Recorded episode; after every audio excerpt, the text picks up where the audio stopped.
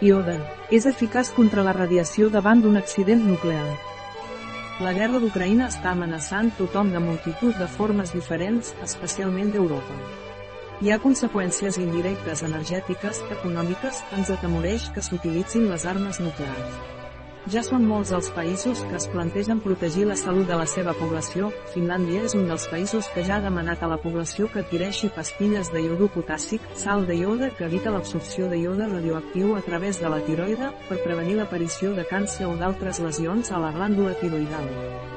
Les farmàcies finlandeses ja han esgotat les existències, d'altra banda, Polònia ha establert punts de distribució gratuïta de iodur potàssic. Espanya també està fent amuntegament de iodur potàssic, amb l'excusa que està renovant l'estoc que estava a punt de caducar és realment cert. Hi ha una preocupació real per un imminent atac nuclear.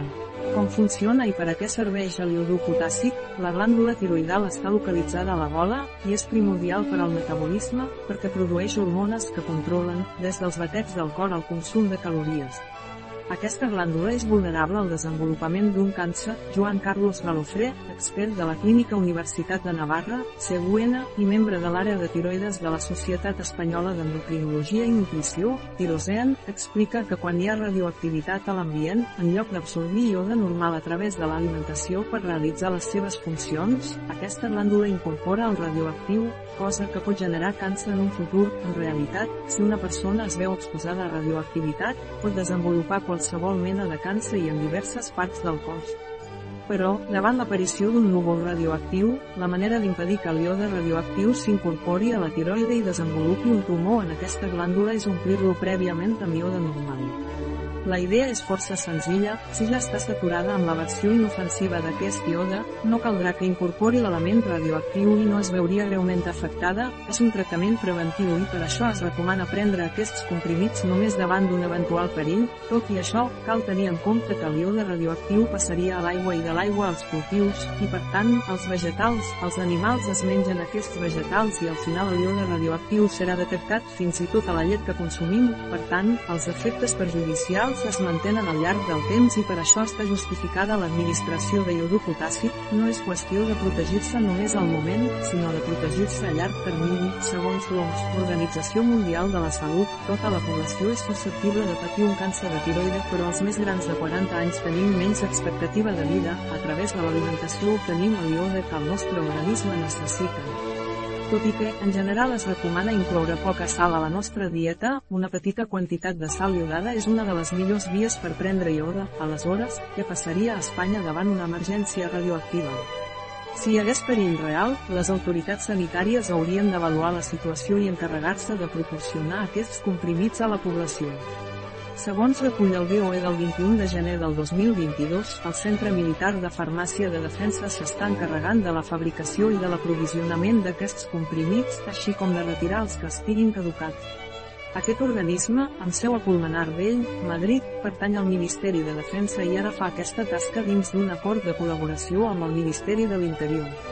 A més, també s'encarrega de manera rutinària de proveir les centrals nuclears espanyoles amb aquest producte, la dosi normal de iode que consumim tots diàriament i que consumim a través dels aliments estaria entre uns 50 i 200 micrograms per dia per a un adult.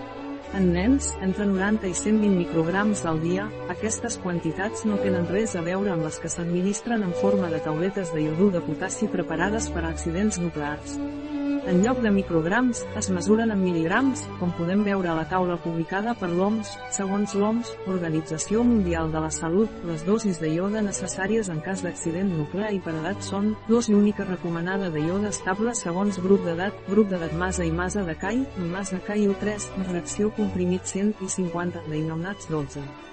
516.211, 81, 4 bebès, un mes de 3 anys, 2.532.421, 41, dos nens, 3 a 12 anys, 5.065.851, 21 adults i adolescents, majors de 12 anys, 10 miliards 13 milions 17.012 si estudiem detingudament la taula, ens adonem que les dosis necessàries en el cas de la radiació nuclear són molt superiors a les que podem trobar als medicaments de iodur potàssic disponibles a la farmàcia farmàcia.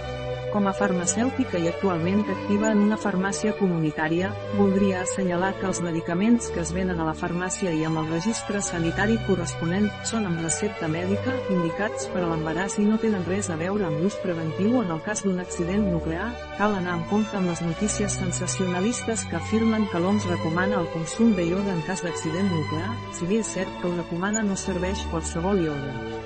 Tal com indica el BOE, si és necessari, únicament serveix per prevenir la toxicitat de la radioactivitat a l'iode que la farmàcia militar serveixi a la població, ja que només aquest té la dosi indicada per l'OMS, hi ha marques de complements alimentaris al mercat que ja tenien iode, però hi ha altres laboratoris que des que va començar el conflicte entre Rússia i Ucraïna han tret al mercat suplements de iode, amb l'únic objectiu d'augmentar les vendes. Aquests complements alimentaris no serveixen com a defensa davant d'un accident nuclear, ja que tampoc tenen els mil·ligrams de ioda necessaris. Foto, Wikipedia. Un article de Catalina Vidal Ramírez, farmacèutica, gerent de Biofarma és. La informació presentada en aquest article no substitueix de cap manera l'assessorament d'un metge, qualsevol menció en aquest article d'un producte no representa el suport dels objectius de desenvolupament sostenible a aquest producte.